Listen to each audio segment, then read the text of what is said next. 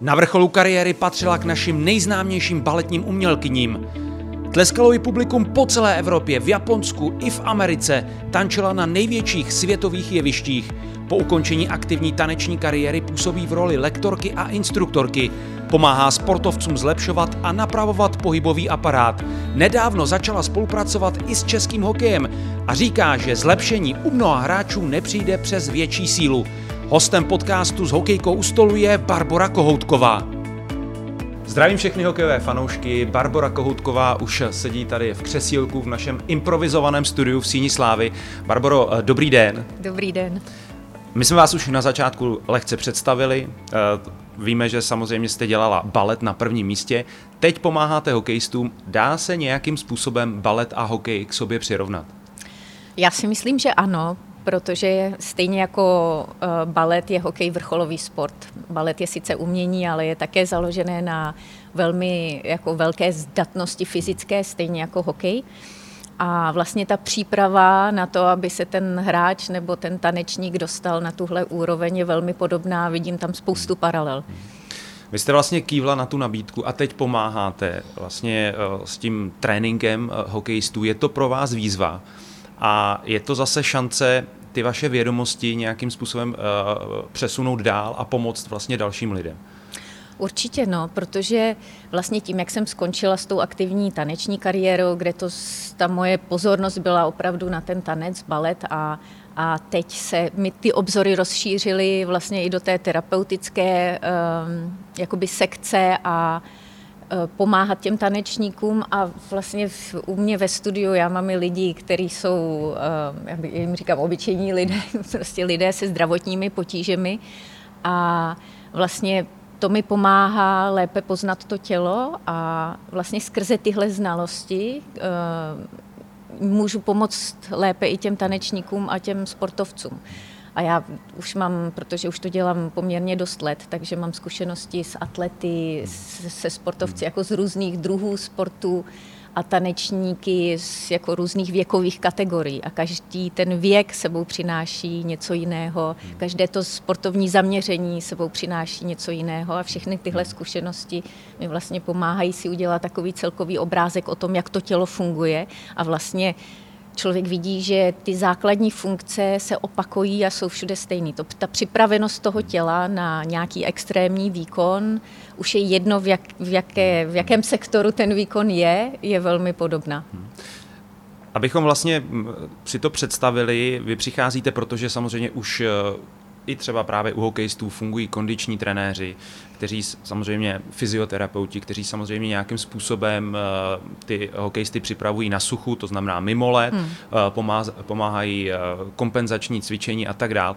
Ale vy přicházíte s tou metodou, jestli to teď řeknu správně, gyrotonic a gyrokinesis. Je, je to takhle správně. Gyro, gyrotonic, gyrokinesis. Hmm. A teď mi na to řekněte vlastně, co to je, v čem je to jiné, než třeba když přijde nějaký kondiční Eh, coach eh, nebo nějaký fyzioterapeut. V čem je tohle jiné a v čem je to vlastně výjimečné a jak moc to právě může pomoct eh, hokejistům? No tohle, když se mě někdo zeptá, na čem to je postavené, ta metoda, tak vždycky se jenom nadechnu, vydechnu, protože ono je to tak komplexní, že je strašně těžký to popsat. A vlastně tu výjimečnost téhle metody uh, já vnímám právě v té komplexnosti. Jo, protože on, ten kondiční trenér, samozřejmě by měl mít znalost z různých uh, oborů, prostě měl by znát, jak funguje tělo, ale samozřejmě to jsou jako pasivní znalosti a pak jsou ty praktické znalosti. Um, a ta metoda gyrotonic vychází nebo byla vytvořena člověkem, který si prošel sám velmi jako složitým životem, že se on začal ve sportu a pak vlastně eh, se dal na dráhu tanečníka, eh, baletního umělce a sám se vypracoval na tu nejvyšší úroveň. Ale samozřejmě, protože tam nebyly ty znalosti, nebyly tam ty základy a ten jeho vývoj byl rychlý, takže se zranil. A pak musel s tou kariérou přestat a vlastně toho vedlo k tomu, že se snažil zkoumat, jak to tělo funguje, aby to tělo skrze pohyb uzdravil, vyléčil. A um, tahle jeho osobní zkušenost je prostě vtisknuta do té metody. Hmm. A protože už je to na trhu přes 30 let, tak tím, jak on to vymyslel na základě svých vlastních pocitů a začalo to fungovat. A těm lidem to přinášelo uh, úlevu od bolesti, přinášelo jim to zlepšení výkonu, hmm. takže se tou metodou začali zabývat odborníci. A teď to, co on před těmi 30 lety vlastně vyvinul jenom na základě své intuice a své praxe, tak teď je to dokazované vědecky, že to hmm. funguje, že na základě jak to, jak hmm. tělo funguje skrze fascie, dynamická stabilita, um, že není, není uh, nebo nemá se tělo rozdělovat na svalové partie, je vždycky potřeba ho vnímat jako celek. Takže tady ta komplexnost, je to prostě inteligentní pohybový systém. Mě tady zaujal jeden váš výrok. Zlepšení u mnoha hráčů nepřijde přes větší sílu. Eh, jak tohle pochopit? Protože samozřejmě, když vidím uh, hokejisty v posilovnách, hmm. tak samozřejmě makají s činkami, uh, skoky, výskoky, jo, a je to všechno vlastně zlepšování nějaké síly, hmm. ať už nějaké odrazové, dynamické a tak dál. Jak tedy pochopit tenhle ten váš výrok, vlastně, že zlepšení u mnoha hráčů nepřijde přes tu větší sílu? Je to, já třeba, když se nad tím zamyslím, tak si uh, představím to, že vlastně uh, Eh, ta síla musí být, jak jste to tady naznačila, komplexní. Hmm. Že nebude stačit, když budu dělat jenom třeba posilování nohou, ale že s tím musí přijít i posilování těch dalších svalů. Eh, je to tak správně? Vykládám si to aspoň já správně? Vykládáte, no když si, když si vemete, jak ta hra v dnešní době vypadá, jak třeba hokejová hra vypadala před, já nevím, 10-20 lety. Tady vidím třeba velkou paralelu s tím baletem protože před 20-30 lety se taky tančilo úplně jinak, eh, jako se hrálo jinak. Prostě ty tanečníci byli daleko pomalejší, prostě měli větší svaly, nebyly na ně kladený takový nároky na dokonalost toho pohybu. A prostě s tím vývojem té doby se ten tanec zrychlil, uh, je daleko větší kladený důraz na estetiku toho tance. Prostě ty nároky jsou daleko větší, ale to fyzické tělo je pořád stejný. Hmm. Takže tady je potřeba změnit vlastně přístup, jak s tím materiálem pracovat, jak s tím instrumentem, s tím naším tělem pracovat, aby uh, dosáhlo těchto, těchto výkonů a nezničilo se, aby prostě tam nepřicházely ty zranění. No a um, u hokeje dá se říct, je to, je to stejné, protože to stejné, když, no. když dnes vidíme vlastně, když si člověk eh, třeba pustí nějakou povedenou akci a vidíme ten rozsah pohybu Přesně u těch tak. hokejistů, tak eh, to je pravda, že před 20, 25 lety eh, někteří hráči nebyli schopni se dostat do těchto extrémních pozic na ledě. Takže Přesně je tak. tady tahle ta paralela. Určitě, určitě. No. A teď jako jde o to se nezamyslet nad tím, vlastně kam chceme ty hráči, jako já si zamýšlím na to, kam, kam chci ty baletní umělce, ty moje studenty jako dovést. Jo? Že prostě já je vedu s tím, aby rozuměli tomu tělu. Čím víc budou rozumět tím základním principům funkčnosti toho těla, který jsou u všeho stejný, ať je to sport nebo balet, tím eh, větší šanci mají, že prostě uspějou, že si nezničí to tělo a že budou dosahovat těch výkonů. A tomu je ale potřeba přizpůsobit ten trénink a je to hodně založený na té inteligenci toho těla, rozvíjení inteligence a to není o hrubé síle. To je naopak jemná motorika, protože když je tam ta hrubá síla, tak ta vás zpomalí a paralyzuje. A čím víc to tělo si zvykne uh, na tenhle druh pohybu, tím pohodlnějc mu v tom bude a najde si v tom pocit bezpečí. Hmm. A pak v tomhle momentu, když už prostě si najde to tělo v tomhle ten pocit bezpečí, je strašně těžký to přeučit. Hmm. Jo, a já se s tím hodně v té praxi své setkávám, že ty lidi se jako bojí změny, že oni se bojí udělat pohyb lehce, s lehkostí. A já je učím tomu, že každý ten pohyb by měl vlastně být s lehkostí. Že ten záměr je dosáhnout toho nejvyššího výkonu s tou nejmenší zátěží. Ale to většina koučů, trenérů ani v tom baletu, ani v tom. Právě na to okay. se chci zeptat teď, když to bude poslouchat některý kondiční trenér, no. tak eh, teď si řekne, tak eh, Ona nám tady říká, že vlastně se nemá vůbec posilovat, nebo nemá se používat činky, nemají se používat uh, nějaký závaží a tak dál. Jo. Ale to vůbec neříkám. Ne, ta, a právě tak, uh, jo, chci, jak, jak by vlastně měla eh, z toho vašeho pohledu ideálně vypadat vlastně ta příprava? Hmm. Teď to klidně můžeme navést na toho hokejistu. Protože tam je potřeba najít tu správnou rovnováhu. Je potřeba um, vystavit ten trénink tak, aby prostě tam byla i ta dynamická fáze a ono, i ten silový trénink vlastně je potřeba, aby šel přes ten vnitřní stabilizační systém, protože um, ta kontrakce svalová by měla být tak, že ten sval se zapojí do prodloužení. Tím vznikne mezikloubní prostor a vlastně vám to nebrání v tom rozsahu. Ale to je jako te- velmi složitá technika na to, to ty lidi naučit. A když prostě jenom zvedají vlastně bezmyšlenkovitě tu činku, dělají repetitivní pohyby, kde vlastně zapojují primárně jenom jednu svalovou část a nesoustředí se na to, že jakýkoliv pohyb uděláte, tak je do toho zapojené celé tělo.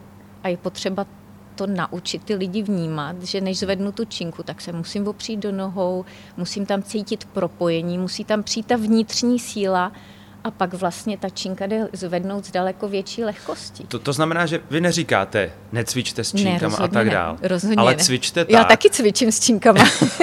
ale uh, říkáte, cvičte tak, aby to bylo opravdu maximálně efektivní, hmm. jestli, jestli jsem určitě, to pochopil. Určitě. A je to potřeba um, jako vyrovnat tady ten silový trénink, protože třeba ta metoda Gyrotonic uh, využívá ne jako činky, ale vlastně, nebo závaží ano, ale na principu kladky.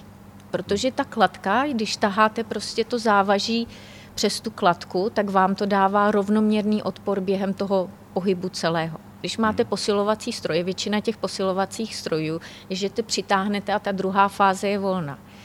A to, že tam máte ten rovnoměrný odpor, vás nutí pracovat s tou vnitřní stabilizační soustavou. Nutí vás to, uh, učí vás to vlastně té koordinaci. A tu koordinaci, tu jemnou motoriku, to umí jenom ty vnitřní svaly. Ty vnější prostě jsou takový, já jim říkám, neohrabaný. Takže když něco uděláte tou hrubou silou, tak prostě to je, ten pohyb je trhaný, sekaný, a já, když koukám na ty hráče nebo na ty tanečníky, tak to prostě vidím. Jo, jestli to mají zvládnutý tuhle techniku, jestli ten pohyb jde z jejich středu, jestli používají chodidla, jestli mají oporu správnou, protože tam je pár základních principů, který je potřeba prostě si uvědomit, naučit, jako aktivace středu, eh, právě ty chodidla, který hokejisti vůbec o nich neví. Hmm. Vůbec. Teď, teď právě jste to řekla, že uh, už když vidíte někoho, tak uh, že jste schopná nějakým způsobem uh, rozpoznat, jak na tom je. Hmm. Platí to i u těch hokejistů, že třeba Určitě. když ho vid, hmm. vidíte, už když k vám hmm. přijde, hmm. protože vy už s nimi cvičíte, to znamená, když, tak uh, už víte hmm. třeba, co mu chybí? Protože ono to vidíte, když se na to, na to tělo podíváte, vidíte ty svalové disbalance. Prostě ty se, je to, je to normální, že se tvoří tady těmi vrcholovými sporty nebo zatížením, eh, specifickým zatížením těla, ale je potřeba, právě proto je potřeba pracovat na těch disbalancích.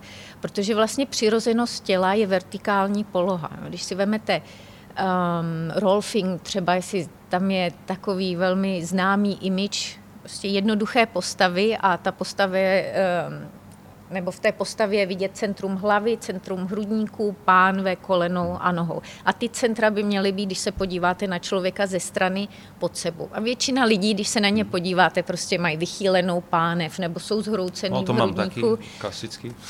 A to je prostě disbalance. Hmm, hmm.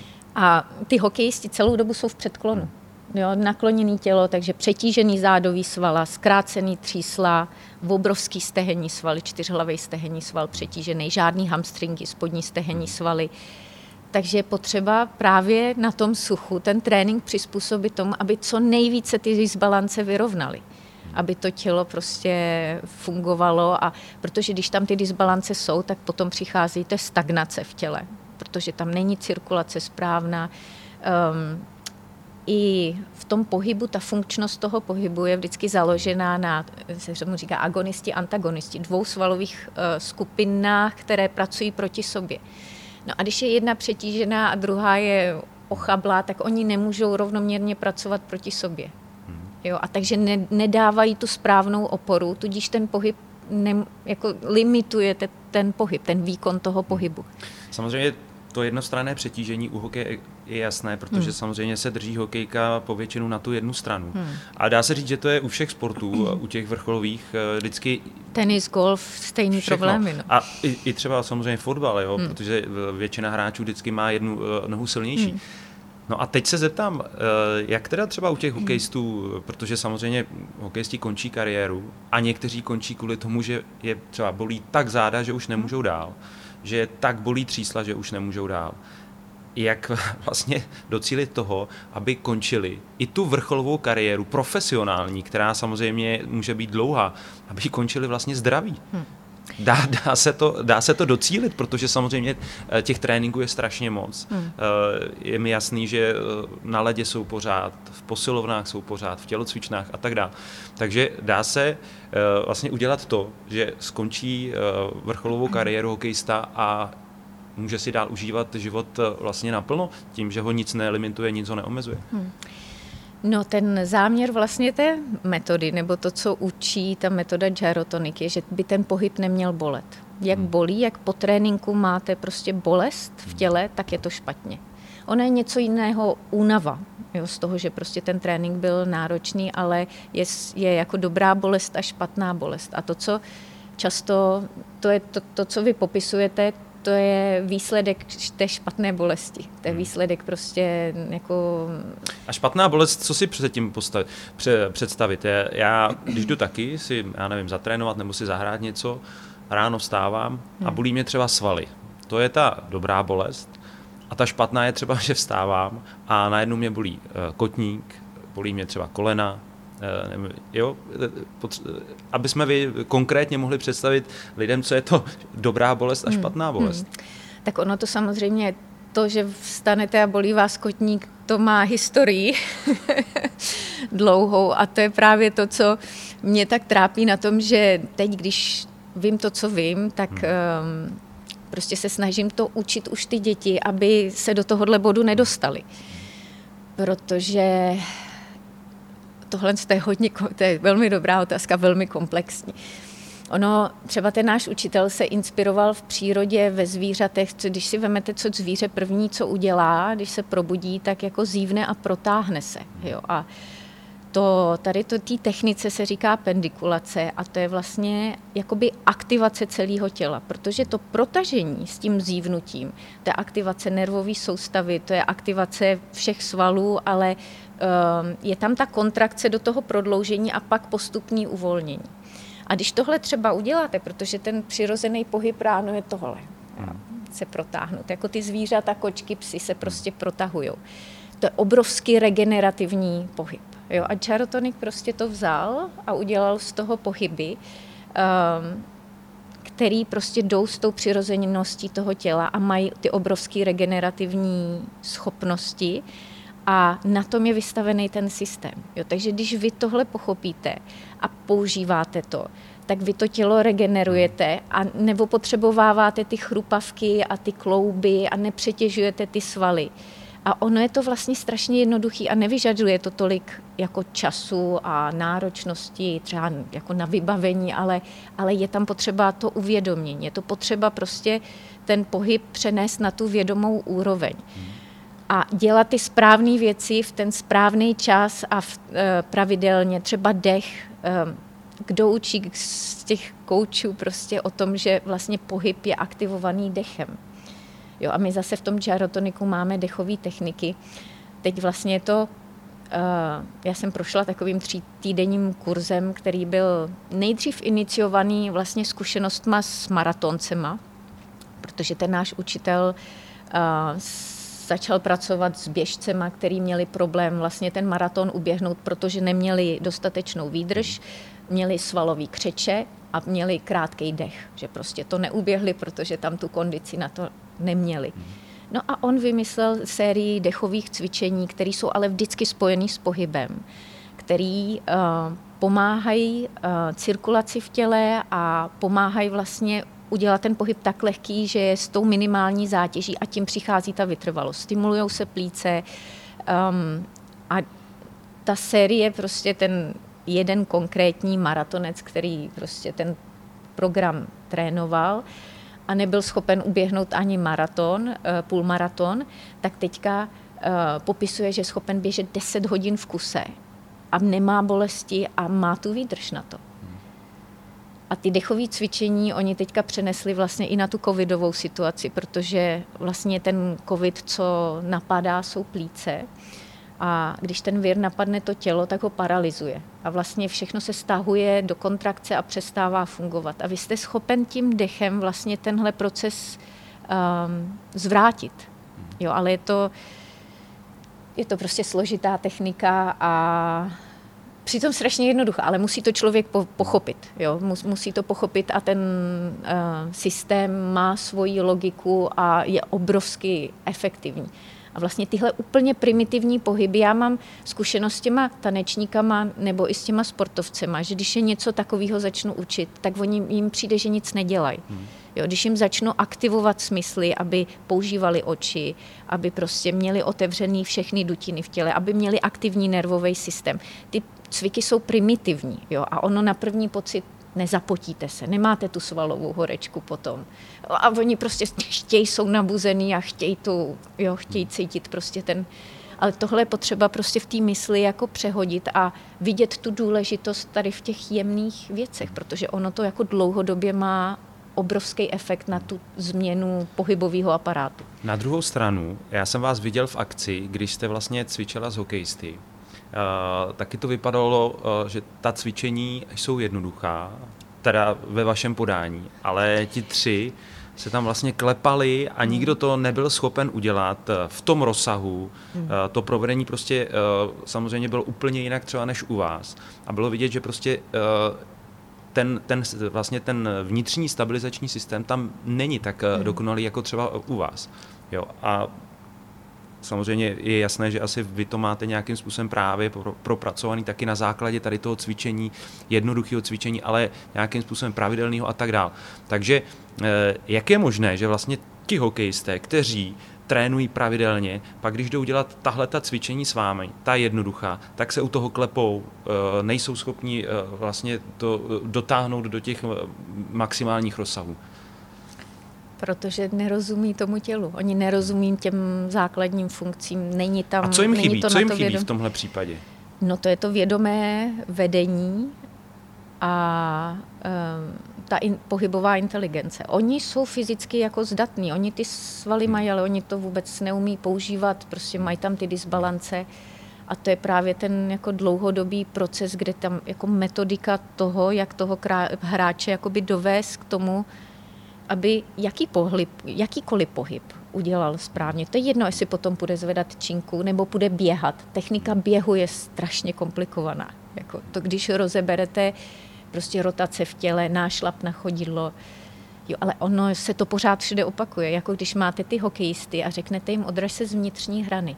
Jako ono jenom tuhle banální, rádoby banální informaci pochopit, co to je odrazit se z vnitřní hrany brusle co ten hráč má přitom cítit.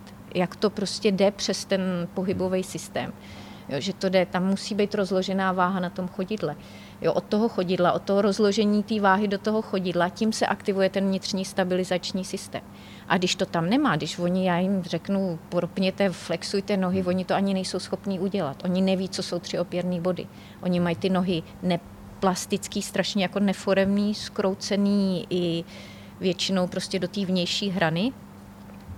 Takže ta, um, to postavení toho chodidla i v té klidové fázi už je špatný.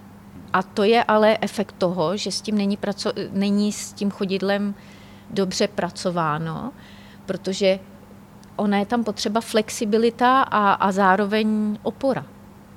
A to je zase prostě chodidlo je kapitola sama o sobě. No a jak jsou na tom čeští hokejisté? Už pár jste jich určitě měla pod svýma rukama, takže jak jsou na tom? Co mm. třeba, kde, kde vidíte ty největší nedostatky? Jsou to třeba ta chodidla? No, ona je to ta komplexon. Já to nemůžu oddělit jenom hmm. chodidla, protože zase od těch chodidel eh, se všechno upíná na páteř. Oni neví, co je neutrální pozice páteře, vertikální polohu. Já když jim řeknu, postavte se rovně, oni nestojí rovně, oni nestojí v ose ale to je proto, že prostě mají zkrácený třísla, přetížený stehna, to jim posune pánev a oni to ale neví, oni to necítí. A ta neznalost prostě vede k dalším a dalším disbalancím a, a vlastně nefunkčnosti té hry potom, toho výkonu v té hře. Takže jako já se jim snažím vysvětlovat, aby začali to svoje tělo znát. A tady zase přichází ta fáze, že každý ten člověk, který ke mně přijde, má úplně jiný problémy. Ono jsou základní věci, které jsou aplikovatelné na všechny. Prostě ta, ta, ty základní pohybové vzorce jsou stejný, ale to tělo je každý úplně jiný. A teď se vás zeptám, jak právě důležitá je třeba stavba těla. Jo, uh, co se bavím třeba s hokejovými trenéry, tak uh, ti říkají, že když přijdou třeba mladí uh, nebo malé děti na trénink, tak už třeba na nich je vidět, jak vlastně tím, jak se i míň sportuje a tak hmm. dál, jak třeba se méně sportuje v rodinách a tak dále, takže ty děti mají třeba špatně postavené právě nohy, jo, mm. celý je to špatně. A teď ten trenér nějakým způsobem, samozřejmě, že dřív to bylo mnohem lepší, že dřív ty děti přišly líp připravené právě na ty tréninky. A už samozřejmě se, se hrál hokej, ale teď eh, trenéři musí vlastně pracovat i na té hmm. kondici mimo let, tak aby nějakým způsobem eh, ty děti vlastně napravili. Hmm. Takže jak důležitá je ta stavba těla, jo, hned na, třeba na začátku, aby to dítě nebylo přetížené, vlastně protože má špatně postavené kolena a špatně postavené kotníky. Hmm. No ono tohle, já bych to oddělila jakoby na dvě dispozice. Dispozice jak na sport nebo na ten, na ten tanec jsou důležitý a vždycky, když se vybírá ten, to malý dítě prostě hmm. na ten daný, tak se berou v potaz dispozice. To je jedna věc, ale druhá věc je třeba, jak je schopen, schopný to dítě vnímat ten pohyb. Že někdo třeba nemá tak dobrou fyzickou vybavenost, ale je inteligentní, dobře vnímá ten pohyb. A já to vidím u těch tanečníků, že vlastně ty, co jsou na tom vrcholu, nemají to dokonalé tělo. Já neměla dokonalé tělo. Mě každý doktor řekl, jako, že nemám dělat balet, protože na to to tělo nemám narostlý. A přesto jsem prostě v tom uspěla a dostala jsem se na ten vrchol. Takže jako o, o, jo, brát tohle jenom tu fyzickou dispozici, to, to prostě nejde. Potřeba začít s těma dětma pracovat a vidět, jak jsou schopní jako při, přijímat ty připomínky, jak vnímají právě to tělo, protože někdy ta, ten intelekt vlastně je um, ten, ten vůdčí a je schopen prostě pracovat s těma uh, nedostatkama tom, co mu nenadělila ta příroda a potom ve výsledku jako dosáhne lepších výkonů než, než ten, co má to dokonalé tělo. A většinou to tak je, že ty, co mají to dokonalé tělo, tak nemají tu hlavu, protože tancuje i sportuje se hlavou, ne, ne tělem. To. A ta druhá věc je, že prostě uh, máme, máme ty, um, když si vemete mimina, hmm. tak oni ví, co mají dělat na to, aby si posílili svaly a, jsou tam ty vývojové fáze. Prostě začnou zvedat oči, začnou pást koníčky, hmm. tím se posil, posilují všechny svaly kolem páteře a připravují se na to, aby unesli vlastní tělo. Jo, oni se začnou otáčet tím, že prostě dají nejdřív pohled a to rotuje to tělo. Tohle jsou přesně ty přirozené funkce, které my potom ztrácíme. A jak jste říkal dřív, prostě protože nebyly počítače, ta doba byla jiná, tak ty děti vlastně tady to, co nám je daný tou přírodou, přirozeně rozvíjeli, protože lezli na strom, prostě váleli sudy na trávě z kopce, byli aktivnější a ona nás ta příroda vede. Jo, ale my, když vlastně ji nenecháme nás vést a vlastně ta pozornost jde na něco jiného, že sedíme u toho počítače, my ty instinkty ztrácíme. A já tohle, mě to je strašně líto, protože já dostanu třeba ty děti v nějakých deseti letech a teď vidím, že oni prostě už to, co nám ta příroda nadělila, vůbec nemají. A já se snažím to v nich znova jako probudit tu vzpomínku na, to, na tu přirozenost. To znamená, já na to navážu, že skutečně platí, že eh, současná vlastně připravenost eh, té mládeže, když to takhle řeknu, je horší, než eh, to bylo dřív. Vy jste to zmiňovala, že eh, ty děti jsou hůř připravené. Je to znát, že prostě ta doba je jinde a že prostě eh, stěžují si na to i trenéři, hmm. ti hokejoví. Jako my to musíme vzít jako fakt, to nemá cenu porovnávat, že tehdy to bylo lepší, teď je to horší. Hmm. Už to nezměníme. Prostě hmm. ta technika jde tak dopředu, že já to vidím u svého syna, prostě taky je na tom telefonu. Tak jako když hmm. jednou hmm to jako objeví a ono ani není do, jako dobré se snažit to změnit a říkat jim, že tohle je špatný a tam to bylo lepší a, a snažit se, ono je potřeba najít tu, tu rovnováhu v tomhle a přizpůsobit tomu ten trénink. Prostě od malička ty děti vést k tomu a jako vystavět ten trénink tak, aby se tam ta pohybovala inteligence rozvíjela a aby tam ten instinkt zůstal. Protože jako na tom ledě, když se podíváte prostě na tu hru, vy přesně vidíte, který hráč hraje z, in, z instinktu. Hmm. Jako, hmm. jo, co je to přirozenost a, a který to má, jako že teď mi řekli, takhle mám udělat ten úder a hmm. prostě je to nemotorný a nikdy to nebude. Jo, a to vidíte i u těch tanečníků. Někdo tam hmm. prostě jde a je to s tou lehkostí, protože prostě jde, to jde s tou přirozeností tohle je strašně dlouhodobý no a proces. Je teda, eh, je teda možnost, že člověk potažmo ten hokejista, se naučí vlastně poslouchat to svoje tělo? A, a je to nějakým způsobem ten váš cíl, Určitě. jak právě pracovat mm. s těmi hráči mm. hokejovými, mm. aby se naučili mm. poslouchat uh, to svoje tělo Určitě. a přesně věděli, mm. co dělat? Mm.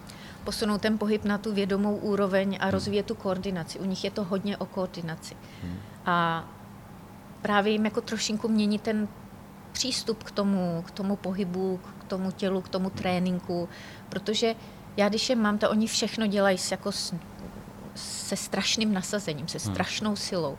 Jo, a oni prostě nejsou, jak jsem říkala, oni nejsou schopní si dovolit udělat ten pohyb tak lehce. Tak a teď se jenom zeptám. Eh, třeba hráč bude nacvičovat kličku hmm. a, a bude to dělat stokrát, než se mu to povede. Teď do toho vstoupíte vy, Eh, nějakým způsobem eh, pod tím vaším vedením se nějakým způsobem zlepší, co se týče eh, třeba té ladnosti toho pohybu. Hmm. A nebude potřebovat těch 100 opakování, ale hmm. bude potřebovat třeba jenom 50, protože Přesně. vylepšil tu svoji práci těla. Je to takhle správně hmm. pochopené? Je to správné.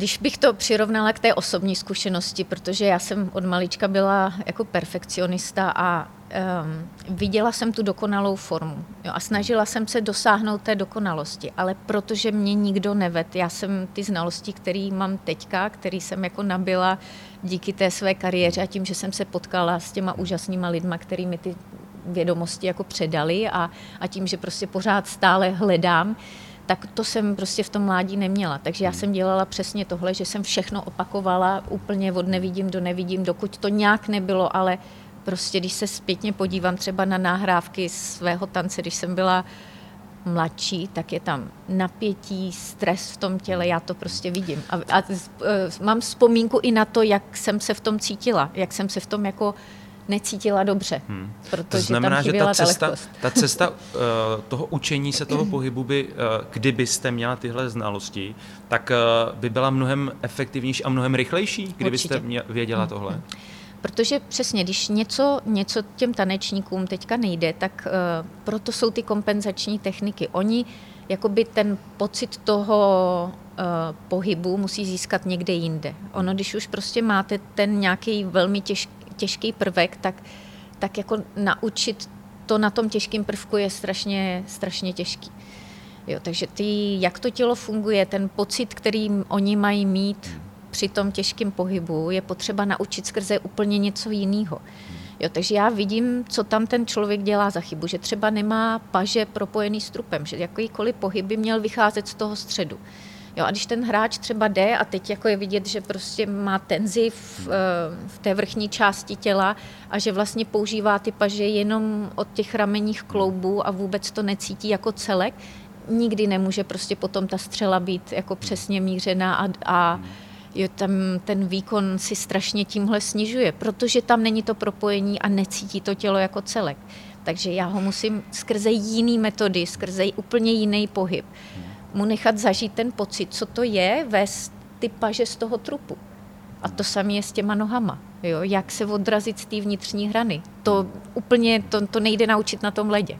No a teď se zeptám, jak těžké to je vlastně pracovat s těmi hráči. Vy samozřejmě teď eh, určitě pracujete s těmi mladými, hlavně prvotně s těmi mladými hráči, ale teď je tady hráč, kterému je třeba 28 let, dejme tomu, a už má nějaké ty návyky. Hmm.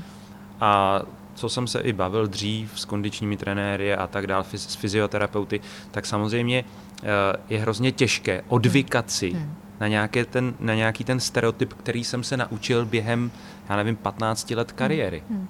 Dá se to změnit tohleto právě pomocí uh, téhleté vaší metody, no jo, pomocí no, těch... Tohle proto, proto jsme v tom baletu i v tom hokeji tam, kde jsme, protože prostě teď máme tu, ty aktivní hráče a ty aktivní tanečníky, který prostě vyrostli na tomhle silovém tréninku bez toho vědomého pohybu a teď je pro ně strašně těžký ty vzorce změnit. Jo, takže proto ten náš učitel vždycky říká, začněte u dětí. Prostě tam je potřeba dát ty zkušenosti těm dětem, aby samozřejmě já, se, já pracuji s tanečníky v Národním divadle a jako bohužel prostě je tam 70% cizinců, protože ty to, ty to mají, ty prostě ten vědomý pohyb mají, daleko jsou schopní víc přijímat ty moje připomínky a vzít si z toho víc než ty český tanečníci. A já, jako já vidím tu problematiku, že to jde z toho, z té výchovy. A prostě těch jedenáct let, co jsem tady, se snažím vlastně do toho systému proniknout a, a, a jakoby ty svoje zkušenosti, které jsem nabrala v tom světě, tady uplatnit, ale prostě pořád narážím na, tu, na ten přístup, že ne, ale takhle to fungovalo prostě před těma 20-30 lety, na tom jsme my vyrostli, tak proč by se mělo něco měnit? Uh já vlastně na to navážu, když jsme se spolu poprvé bavili, tak uh, vy samozřejmě jste působila úspěšně ve Finsku, uh, kde vlastně už jste mě zmiňovala, že tam právě už nějakých deset let u hokejových reprezentací působí vlastně lidé, kteří jedou tuhle tu metodu, kterou využíváte vy. A a vlastně dneska je to vidět. Eh, finský hmm. hokejista, když jsem viděl třeba letošní mistrovství světa 20, eh, tak Finové, co se týče pohybu a ladnosti pohybu na ledě, byli jedni z nejlepších. Hmm. Takže Ale je tam pozor, vidět i nějaká no, tahle ta práce? Ono to není, tam oni nevyužívají jenom tuhle metodu. V Helsinkách taky ve Finsku je tahle metoda, ale jako on je to funkční trénink. On, hmm. tam tomu říkají functional training. A Ono je to na stejných vědeckých poznacích založený. To, to já neříkám, že ta metoda gyrotonic gyrokinesis je to nejlepší a to jediný. Jo, oni dosáhnou úplně jinak vystavěným tréninkem, než já bych vystavila toho stejného efektu. Hmm. A protože tam mají ty znalosti, protože ví, jak to tělo funguje a dokážou prostě ten trénink tomu přizpůsobit. Dokážou najít tu rovnováhu a jako Finové jsou prostě od přírody velmi aktivní národ. Jo, tam jedno 25 pod nulou, oni jedou na kole, tady mají rampouchy prostě na, na vousech a jedou. Takže tohle to je v tý, to je v, jakoby v tom národě to je, že ten národ je velmi aktivní, je to jejich přirozenost, takže to má jako dobrý základ, ale oni jsou otevřený, obrovsky otevřený se pořád učit a, a jsou tam nejlepší poznatky, z fyz, nejlepší fyzioterapeuti na světě, nebo to já i co z mý zkušenosti, tak jsou, jsou ve Finsku a s tím kolegou mým nebo fyzioterapeutem, který pracoval pro finský národní balet, tak on zároveň léčí ty nejlepší sportovce. On dělá výukové programy uh, pro sportovce na základě těch zkušeností. A on vždycky říkal, že ten balet mu dal vlastně uh, strašně moc, protože právě kvůli té dokonalosti toho pohybu a té náročnosti, že tam je ta estetika spojená prostě s tím obrovský uh, náročným fyzickým výkonem, tak tohle u nás, jakoby tohle propojení, ta fúze těch odvětví chybí. Když já jsem tady se snažila najít uh, doktora na ten taneční medicínu neexistuje. Jo? Ještě sportovní medicína, dobře, nějaké zaměření tu je, ale jako tohle, tohle tady máme prostě obrovský mezery. No. My máme, my máme, přijde mi jako, jako v Čechách, se vždycky něčeho chytneme a to, to vníma, toho se držíme. A já, moje zkušenost osobní z toho světa je, že tam jsou lidi daleko otevřenější a nechají ty vlivy přicházet a propojují je a, a nemyslí si, že to co, to, co mají, že je to to nejlepší. A jak si začnete o něčem myslet, že něco umíte nebo že prostě je to to nejlepší, tak to je konečná, protože se přestáváte učit. A já, já jsem měla možnost třeba tu metodu, tady jsem tu mojí snažila víc jakoby dostat i do toho tanečního světa, na konzervatoř, eh, do Národního divadla a taky pořád narážím na tuhle hmm. mentalitu. Takže jsme takový konzervy, mm, se říká. No. no. Eh, vy jste říkala, že eh, jste byla takový ten zarputilec. Hodně hmm. jste trénovala, mm. hodně jste makala, že jo? A přišly ty zranění, mm. že jo? Uh, kolikrát jste teda byla zraněná, kolik za sebou máte operací a Jak eh, těžké byly ty návraty a dokázala jste jednou dokonce, uh, jste přerušila nebo ukončila jste kariéru ale pak díky tomu tréninku jste se hmm. dostala zase, nebo tréninku, díky uh, těm vědomostem, které jste získala a vlastně péčí o to tělo, jste se dokázala vrátit po roce nebo po, po jaké době, hmm. i když jste možná s tím už ani nepočítala. Nepočítala, no, nebyl to ten původní záměr, protože ty bolesti, to bylo vlastně v 28 letech, byly tak velké a, a, a prostě jsem měla náročnou, komplikovanou operaci kyčelního kloubu, a tam byl ještě ten záměr se jakoby vrátit do, na tu, protože jsem byla eh, v Hamburku jako první solistka a ty tlaky tam byly obrovský na to, aby ten tanečník byl funkční. Hmm. Protože ten, jako všichni šéfové berou ty tanečníky nebo ty sportovce jako, jako materiál na ten jejich produkt. Hmm. Takže vy potřebujete ty zdraví hráče, aby prostě ta hra byla a aby aby ten úspěch hmm. byl na nějakém tom mistrovství. To stejný je ten ředitel, šéf toho baletního souboru, potřebuje ty tanečníky, aby prostě měl ten dobrý produkt, aby bylo to nejlepší představení. Hmm. A tohle jako eh, na psychiku je obrovský tlak tak a to rozhodně nenapomáhá jako dobré regeneraci a uzdravení, protože prostě ty tanečníci se chtějí vrátit co nejdřív a vracejí se moc brzo, nenechají prostě ten úraz jako doléčit to tělo, ty procesy tam. A to platí i přesně u těch hokejistů. To platí u těch hokejistů, no, no. Takže jak, jak těžké je právě poznat ten moment, kdy, kdy už zase začít trénovat, kdy to, je, to, to zranění je fakt mm. překonané, kdy je to správně zahojené, kdy opravdu můžu už eh, naplno trénovat. No Protože úplně, pak samozřejmě no. se to projeví eh, za další, hmm. za další roky. Že jo? No já k tomu přistupu úplně jinak, že je vedu k tomu, aby jich těch zranění měli co nejméně, protože to zranění je zase určitý druh stagnace v těle. Hmm. A to je právě tím špatným tréninkem nebo přístupem k tomu tělu se tam buduje určitá disbalance, to je prostě ta disbalance, je ta stagnace, že tam hmm. není rovnováha. A ta disbalance, ta nerovnováha vede k tomu úrazu. Hmm. Že když potom v té nějaké extrémní pozici, jako při ten tanečník, když prostě vyskočí a nemá v tom skoku aktivovaný to tělo, nemá tu oporu té postury. Při tom dopadu si může prostě zvrknout kotník, vykloubit koleno, vyhodit koleno. Prostě to jsou ty nejhorší úrazy a jsou prakticky zbyteční, jo, protože um, to tělo by tohle může to být náhoda, že je kluská podlaha, nebo se něco stane, někdo do vás narazí a to je jako vnější vliv, který nemůžete ovlivnit, ale tu práci s vlastním tělem, tak aby vlastně jste ochránil to tělo před tím úrazem, jako to je potřeba, to je ten hlavní záměr toho tréninku, nebo jeden z hlavních záměrů. Jo? Neměl by to být jenom ten výkon, ale měl by to být zároveň to, aby to tělo bylo co nejméně o to potřebované a bylo tam nejmenší riziko toho úrazu.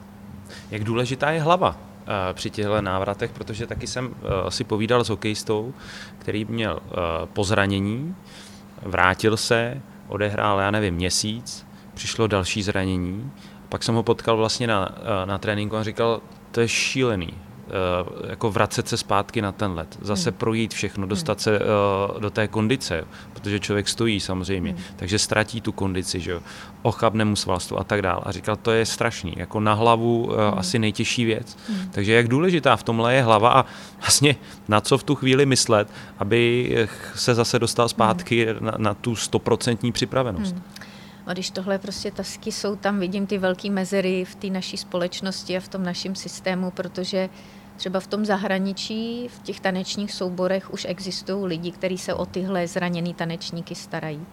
Oni s nima pracují, oni prostě s tím tělem můžete pracovat, ať máte zraněný cokoliv, vždycky ho můžete hmm. držet v kondici a to je taková, já tomu říkám, udržovací kondice, pak ten návrat je obrovsky rychlej. Pak je potřeba prostě uh, držet tu udržovací kondici, nechat to, ten úraz se uzdravit, doléčit a často ty tanečníci přijdou v lepší formě, než byli před tím úrazem, jo, což je strašný paradox, ale, ale to, že tam je ta pauza a vlastně je tam jenom to kondiční cvičení, jenom jen nějaký ty kompenzační techniky, které jsou ale inteligentně vystavený právě na to, aby byl aktivovaný ten vnitřní stabilizační systém, tak jako já teď jsem, protože netrénuji, já učím jenom a to je taky, eh, to prostě nesoustředím se na svoje tělo, soustředím se na, na ty, co učím, ale vlastně já mám tu udržovací formu a, a mě by stačily dva, tři týdny a byla bych v té vrcholné formě jít na to jeviště.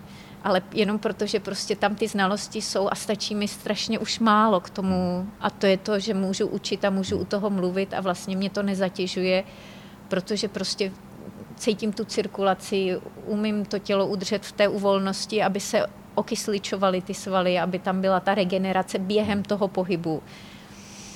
A, no.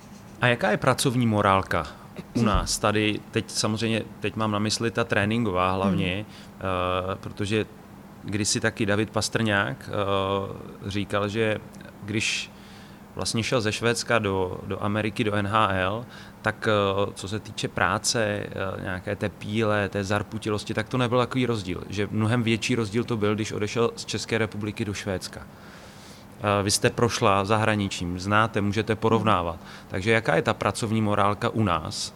a e, ve světě.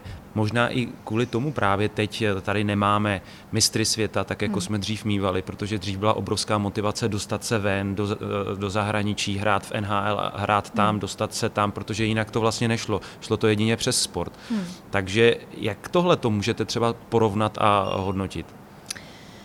No, jako já můžu porovnávat nejvíc v tom baletním světě, hmm. kde prostě eh, jako působím a ty mm, můžu porovnat s celým světem a um, to, co vidím a to, co jsem už říkala, že tady v Národním divadle v souboru je 70% cizinců a s těmi se hmm. pracuje úplně jinak než s těmi českými tanečníky. Ten jejich přístup, ta disciplína um, k tomu, k té profesi je úplně někde jinde než u těch, u těch českých. Jako my máme taky ty talenty, taky jsou prostě lidi, kteří toho úspěchu dosáhnou, ale um, je tam velký rozdíl. Jako neříká se mi to lehce, ale prostě ten rozdíl je tam obrovský. A třeba i s těmi tanečníky, kteří odjeli do toho zahraničí, s kterými jsem pořád v kontaktu, tak oni třeba odjedou a říkají, že, že najednou se přijdou jako strašně méně cený tam, protože oni neví, jak se rozcvičit před tréninkem. Oni nemají vytvořenou tu disciplínu a teď jsou jako vržený do toho, kde tam je to, přiro, kde to je přirozený a kde to nasazení je úplně někde jinde a oni to teprve získávají, tady ty uh, habits, jako ty, ty, ty zvyklosti. A hmm. no, je to prostě v tom výukovém systému Mm, ale já si myslím, protože já s těma dětma taky pracuju, s dětma, jak musím říct, že s těma klukama, co jsem měla možnost pracovat z toho hokeje, tak to, oni jsou jako úžasní. Oni to nasazení, který do toho dávají a uh, jakoby tu radost a to, že, že to opravdu dělají se silným záměrem ale já tam vidím to, jak tomu nerozumí a je tam určitý druh frustrace, že jim to nejde. A když já jim začnu vlastně vysvětlovat ty věci, tak pro ně je to tak nový, že je tam někdy i ten strach z toho, že jako to nemůžou nikdy pochopit, nebo že to vlastně dělají špatně a teď mají takový ten vnitřní boj. A teď, že jsou zvyklí všechno dělat tou silou a já jim říkám úplný opak a teď se to v nich pere tohle, tohle to je prostě velmi jako náročná psychicky pro ně fáze. Jo, ale protože se prostě, protože byli vedený určitým způsobem a já jim to teďka všechno bořím. Hmm. Byla tady vytvořená vlastně skupina skills coachů, aby vlastně český hokejista dostal víc dovedností. Vy vlastně už spolupracujete s Vláďou Krampolem, vlastně šéfem kategorie U15, s Tomášem Pacinou, který vede hmm. právě skills coache. Skills coache. Jaký je tedy ten váš cíl v téhle práci? Je to právě vlastně vychovat ty hráče hmm. tady tím způsobem, co jste teď říkala, aby vlastně to uh, tolik nebolelo a aby, aby ten trénink pro ně byl efektivní? Abyste je vlastně naučila poslouchat to svoje tělo a naučila se správně trénovat? Určitě no, jako ta spolupráce je pořád ve fázi příprav, hmm. takže vlastně, jak říkám, tohle, to, co popisuju, je jako obrovský dlouhodobý proces. Hmm. A je tam i jakoby ten psychologický faktor, prostě je tam potřeba úplná změna jako přístupu a vedení a to nejde ze dne na den. A já jsem třeba s Vláďou Krampolem nebo s Tomášem Pacinou uh, osobně se dostala do kontaktu, takže oni přišli do mého studia a, a vlastně i na nich jsem si mohla vyzkoušet, um, v jaký oni jsou fázi a jak já vnímám vlastně to jejich tělo a hmm. to, to hmm. jejich pochopení pohybu. A jako docházelo tam k velmi uh, zajímavým diskuzím. Hmm. A vlastně skrze tady ty kouče a ty lidi, kteří potom dál předávají ty zkušenosti těm dětem. Jako když jsme na té stejné vlně a, a uh, oni vlastně skrze mě a moje znalosti to můžou propojit s těmi svými znalosti z toho hokeje a to je prostě ideální hmm. stav. Jo, tady ta fúze těch znalostí a když si to zažijou na to vlastní tělo, tak to je, já prostě nejsem z těch lidí, kteří by jako trenér seděli na židli a jenom dávali, a ten, ten osobní, ta osobní zkušenost a ten prožitek uh, je podle mě strašně důležitý na to, abyste potom to mohl předat. Jo, jako ty, ty baletní pedagogové, který prostě nemají za sebou tu taneční kariéru a jako neoddřeli si to, neodžili si to, tak nikdy tam nemůže být tak takový efekt jako, jako ty lidi, kteří prostě mají tu osobní zkušenost. Já když učím uh, pánskou techniku, tak vždycky tam mám ten respekt k tomu, že ano, rozumím tomu, vidím ty chyby, ale sama jsem si to nezažila. Hmm. Jo, takže já se daleko jako silní cítím v kramflecích u té ženský, protože prostě vím, že tam, že hmm. tam to je. A um, takže jsem ráda, že vlastně k tomuhle došlo, že, že je tady ta otevřenost prostě pracovat, protože ta metoda poskytuje možnost pro každýho. Jako naučit se to, o čem já mluvím, o tom základním fungování, na to nepotřebujete žádnou dokonalou kondici a, a prostě na to tělo může, to, to dělají lidi na vozíčku. Přivezou je na vozíčku, posadí je na ten stroj a jste schopní vždycky s tím člověkem nějak pracovat. S jakýmkoliv omezením. Vy jste někde uváděla v nějakém rozhovoru, co jsem si pročítal, že dokonce hm, jste měla, teď nevím, jestli to byl klient nebo klientka, kdo k vám přišel a že ho čekala operace a že dokonce po nějakým tom cvičení s vámi ta operace byla úplně zrušená. Takže Můžou se dít i takovéhle příběhy, že vlastně ta operace nakonec není potřeba díky tomu, že se správně začne vlastně pracovat s tím tělem. Rozhodně a je jich už několik a vlastně i ty instruktoři protože eh, ta gyrotony komunita je velmi propojená, takže to je neustále tady ty, ty zkušenosti mi přichází jako hmm. informace ze světa, že prostě ty, ten efekt, ozdravný efekt téhle metody, metody tam je a v Německu už je to braný jako rehabilitační systém, eh, používá se to na klinikách, které se zabývají eh, problémy s páteří, se zády a, a prostě ty léčebné účinky té metody jsou dokázány i měřením, vědeckými výzkumy, Existuje spousta eh, jako vědeckých eh, lékařských studií, které to dokazují, speciální terapeutické programy, programy zaměřené právě na vyrovnání disbalance pro tenisty, pro golfisty, pro atlety, pro tanečníky. Protože prostě zpracují ty odborníci z těch daných odvětví s tou metodou a, a vlastně na základě těch znalostí protože já tomu říkám, to je esence pohybu. To, to gyrotonic není, prostě to není něco jako, eh, co by se dalo napsat do nějaké hmm. struktury, na, naučit se to, to prostě tam je potřeba to cítit, začít to cítit a začít to žít a začít to prostě praktikovat a rozvíjet. Vy jste mi předtím trošku utekla z té otázky, eh, jak jsem říkal, nebo jak jsem se ptal, že Eh, vlastně jste ukončila kariéru a pak mhm. vlastně mm-hmm. po tom nějakém roce, nevím přesně kolik to bylo, jste se vrátila vlastně zpátky. Mm. Zeptám se, byl to vlastně t- taky tenhle ten případ, eh, že už jste ani netušila, že s tím tělem to cvičení může takovým způsobem za, vlastně mm, zahoupat, že se to tělo mm. zase dostane na tu stoprocentní připravenost? Mm. Překvapilo vás tohle, to, že jste se zase dostala do té kondice? No, já jsem byla přesně v té fázi toho hráče, co jste popsal, který měl to zranění, znova se dostal hmm. do té formy, přišlo to hmm. další zranění a znova musel začít. Tak to je jako když lezete na Mount Everest a musíte začít vždycky prostě od nuly. A já už jsem z toho byla strašně unavená, do toho byly ty obrovské bolesti.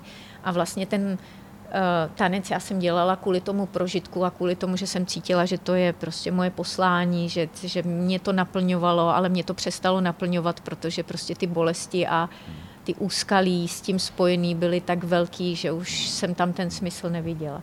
Proto mě to vedlo prostě na tu jinou cestu a úplně jsem se na rok od toho baletu prostě odprostila a studovala jsem jenom tu metodu gyrotonic gyrokinesis. Rok jsem prostě věnovala jenom tomuhle. No a pak jsem začala znova učit, když jsem si udělala tu licenci, která trvá rok, uh, jakoby v té základní formě, tak jsem začala učit balet a najednou prostě ten, jsem to cítila, ten pohyb úplně jinak. Najednou mě to tělo nebolelo, najednou vlastně všechno to, co jsem předtím nemohla kvůli těm úrazům, jsem znova mohla.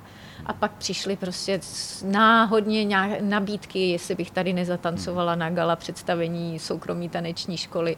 Pak přišla nabídka z Helsinek, že někdo jim tam uh, onemocněl a za tři týdny, jestli bych neotancovala hlavní roli v jednom z nejtěžších klasických představení a já jsem vlastně neměla nic, co by mi bránilo v tom se dostat do té formy za ty tři týdny, takže jsem to přijala a prostě ten zážitek byl úplně neskutečný, protože já jsem tu roli tančila předtím několikrát, před tím, před tím odchodem z té aktivní kariéry a ten zážitek toho pocitu, jaký to bylo a toho kolik vás to stojí úsilí, jako to celé ta představení odtancovat byl prostě někde úplně jinde. No a teď, teď na to navážu, to znamená, že uh, pokud vlastně ten hokejista se nějakým způsobem takhle bude vzdělávat uh, pod tím vaším vedením, tak uh, třeba se může dočkat toho, že samozřejmě ten hokej ho baví, jinak by to hmm. asi nedělal, hmm. ale že uh, za nějakou dobu, tím jak se zlepší, si ten hokej užije úplně jinak, že najednou zjistí, že tahle klička je úplně jednodušší, než by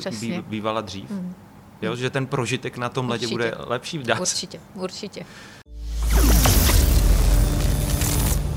Dostáváme se k závěru, takže se zeptám, také už jsem to tam někde zaslechl v té jedné odpovědi od vás. Vy jste říkala, že jste byla tako, takový ten člověk, který si to vydřel tím tréninkem, hmm. Eh, tou pílí a tak dále.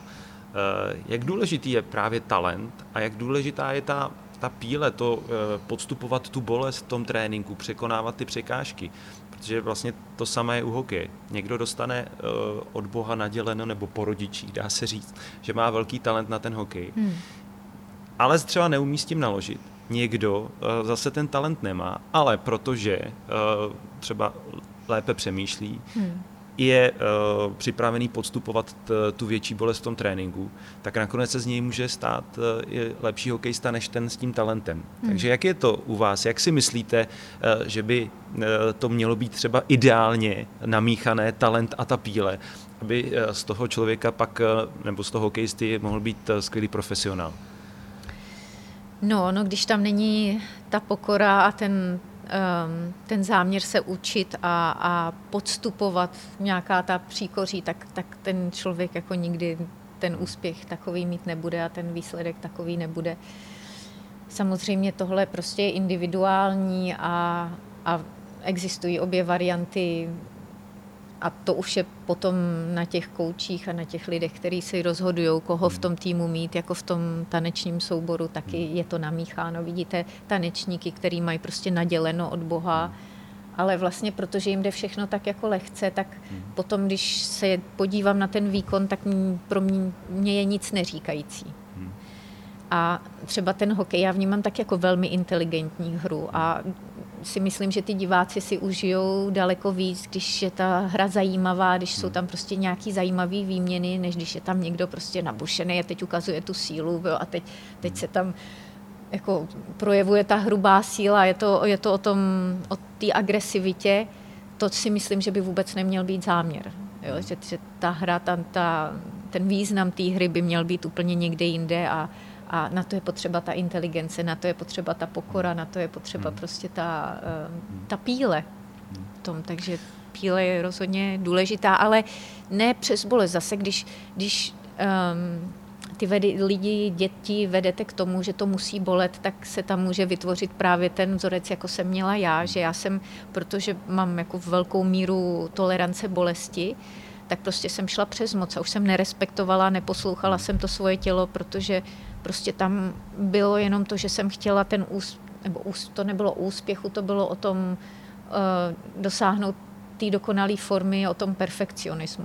Hmm. A to je prostě něco, co vás jako vlastně paralyzuje a, on je důležitý, ten osobní prožitek a ten, ten jako, eh, aby člověk byl sám se sebou v rovnováze.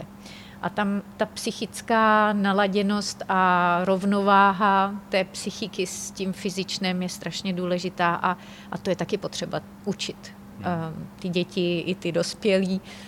Já jsem si třeba to odproštění se od té trémy, opravdu to bylo jako obrovský pro mě proces osobní. Přes meditace, různé terapie, najít ten způsob, jak Eh, dosáhnout toho stavu, kdy jsem schopná podat ten nejlepší výkon, zůstat natolik uvolněná, aby mě ten stres vlastně nestáhnul a neovlivnil ten výkon, to je mm, Tak a to jsem, se chtěl, to jsem se chtěl právě taky zeptat, jestli je možné vlastně i přes tohle poznávání toho vlastního těla se dostat k tomu, že vlastně uh, odbourám uh, takovou tu velkou trému, která vlastně mi eh, svazuje ruce a nedovolí mi podat eh, to vlastně na co mám.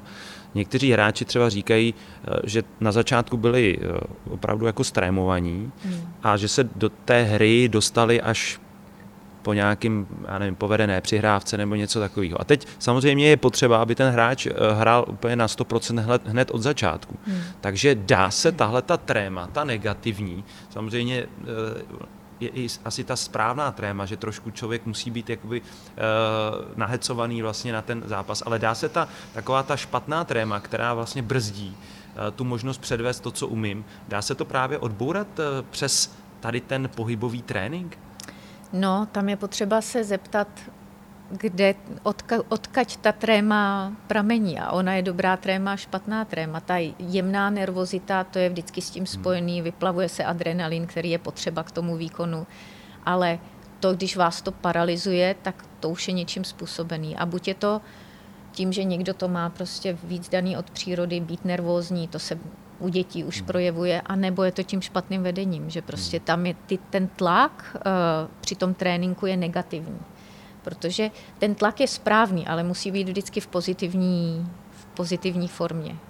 Jo, a, a jak začnete vidět, že, to, že ty děti jsou prostě pod stresem a uh, já jsem byla taky vychovaná v tom baletním světě, je to hodně, že to jde prostě přes urážky, ponižování a tím si vlastně ty uh, choreografové, ty šéfové vynucují ten nejlepší výkon a podle mě je to obrovsky destruktivní. Jako hmm. pro osobnost a pro ten jako na základě tohohle do, do, ehm, dotahovat ty nebo získávat ty nejlepší výkony je podle mě nehumánní.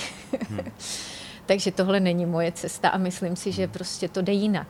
Jo? Hmm. Tím, že naopak těm hráčům nebo těm tanečníkům dodáte tu podporu, dodáte jim to sebevědomí tím, že vlastně tam pro ně jste a, a věříte jim že to potom ve finále, že když přijde ta, ten stresový moment a tohle je v těch buňkách toho těla, ta obrovská láska a podpora, tak to je prostě pozitivní energie.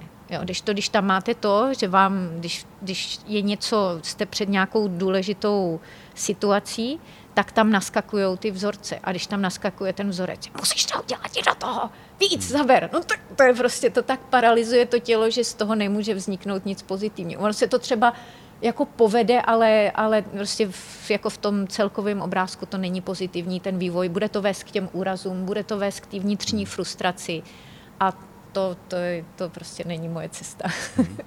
No a uh, říkám, blížíme se k závěru, takže je tady moje poslední otázka. Zeptám se na to, jaký je ten trend vlastně uh, udržovat se v té kondici, pečovat o to tělo, aby bylo zdravé, aby jsme z něj mohli vytěžit v těch zápasech eh, při hokeji maximum. Hmm. Eh, jak se o něj starat a kam to nějakým způsobem vede, protože eh, už jsme to vlastně naznačili na začátku, že ten hokej se vyvinul taky, hmm. že dřív to bylo hodně o srážkách, hodně o tvrdosti. Hmm. Dneska jsou z hokejistů, dá se říct, dokonalí atleti, možná hmm. i gymnasté. Hmm. Jo, I třeba na fotbale jsou vidět hráči, kteří dokážou udělat salto, hmm. jo, jsou prostě hmm. pružní hmm. a je vidět prostě ten vývoj. Takže jaký je ten trend v současné době, eh, jak vlastně se starat o to tělo, tak aby jsme z něj mohli získávat, ale na, zároveň ho samozřejmě nějakým způsobem nenarušovali. No, to je najít tu rovnováhu a prostě přenést ten trénink na tu vědomou úroveň. Prostě hmm. podporovat ty znalosti uh, u těch dětí, tak aby vyrůstali prostě s těma dobrýma pohybovými vzorcema a rozvíjeli tu pohybovou inteligenci. Prostě vést je i jako tu jejich psychiku k tomu, aby byla zdravá, aby tam bylo zdravé sebevědomí, aby tam byla ta pokora, aby tam byla ta cílevědomost, ale je to, je to jako obrovsky komplexní otázka no, a je to potřeba propojení různých odvětví, jako specialistů z různých odvětví, hmm. protože prostě založit to jenom na nějakým jednom druhu tréninku, hmm. to je, ale to je prostě ta česká povaha, my tohle, my k tomu máme sklon hmm. držet se toho jednoho. A to je podle mě ten zásadní problém, že prostě my se potřebujeme otevřít těm novým vlivům. Tom, ta moje metoda je jenom jeden z těch vlivů který je teda komplexní, protože do sebe nechal vstoupit ty vlivy z těch jiných odvětví. Báro, děkuji moc, že jste dorazila. Perfektní povídání, doufám, že pro eh, spoustu lidí je velká inspirace. Samozřejmě vám přeju eh, všechno nejlepší i v práci s hokejisty. Ať se z těch eh, našich hokejistů vlastně stanou umělci na ledě, tak by to asi mělo být. Děkuji moc. Vám děkuji za pozornost, no a za 14 dnů u dalšího dílu s hokejkou u stolu zase na shledanou.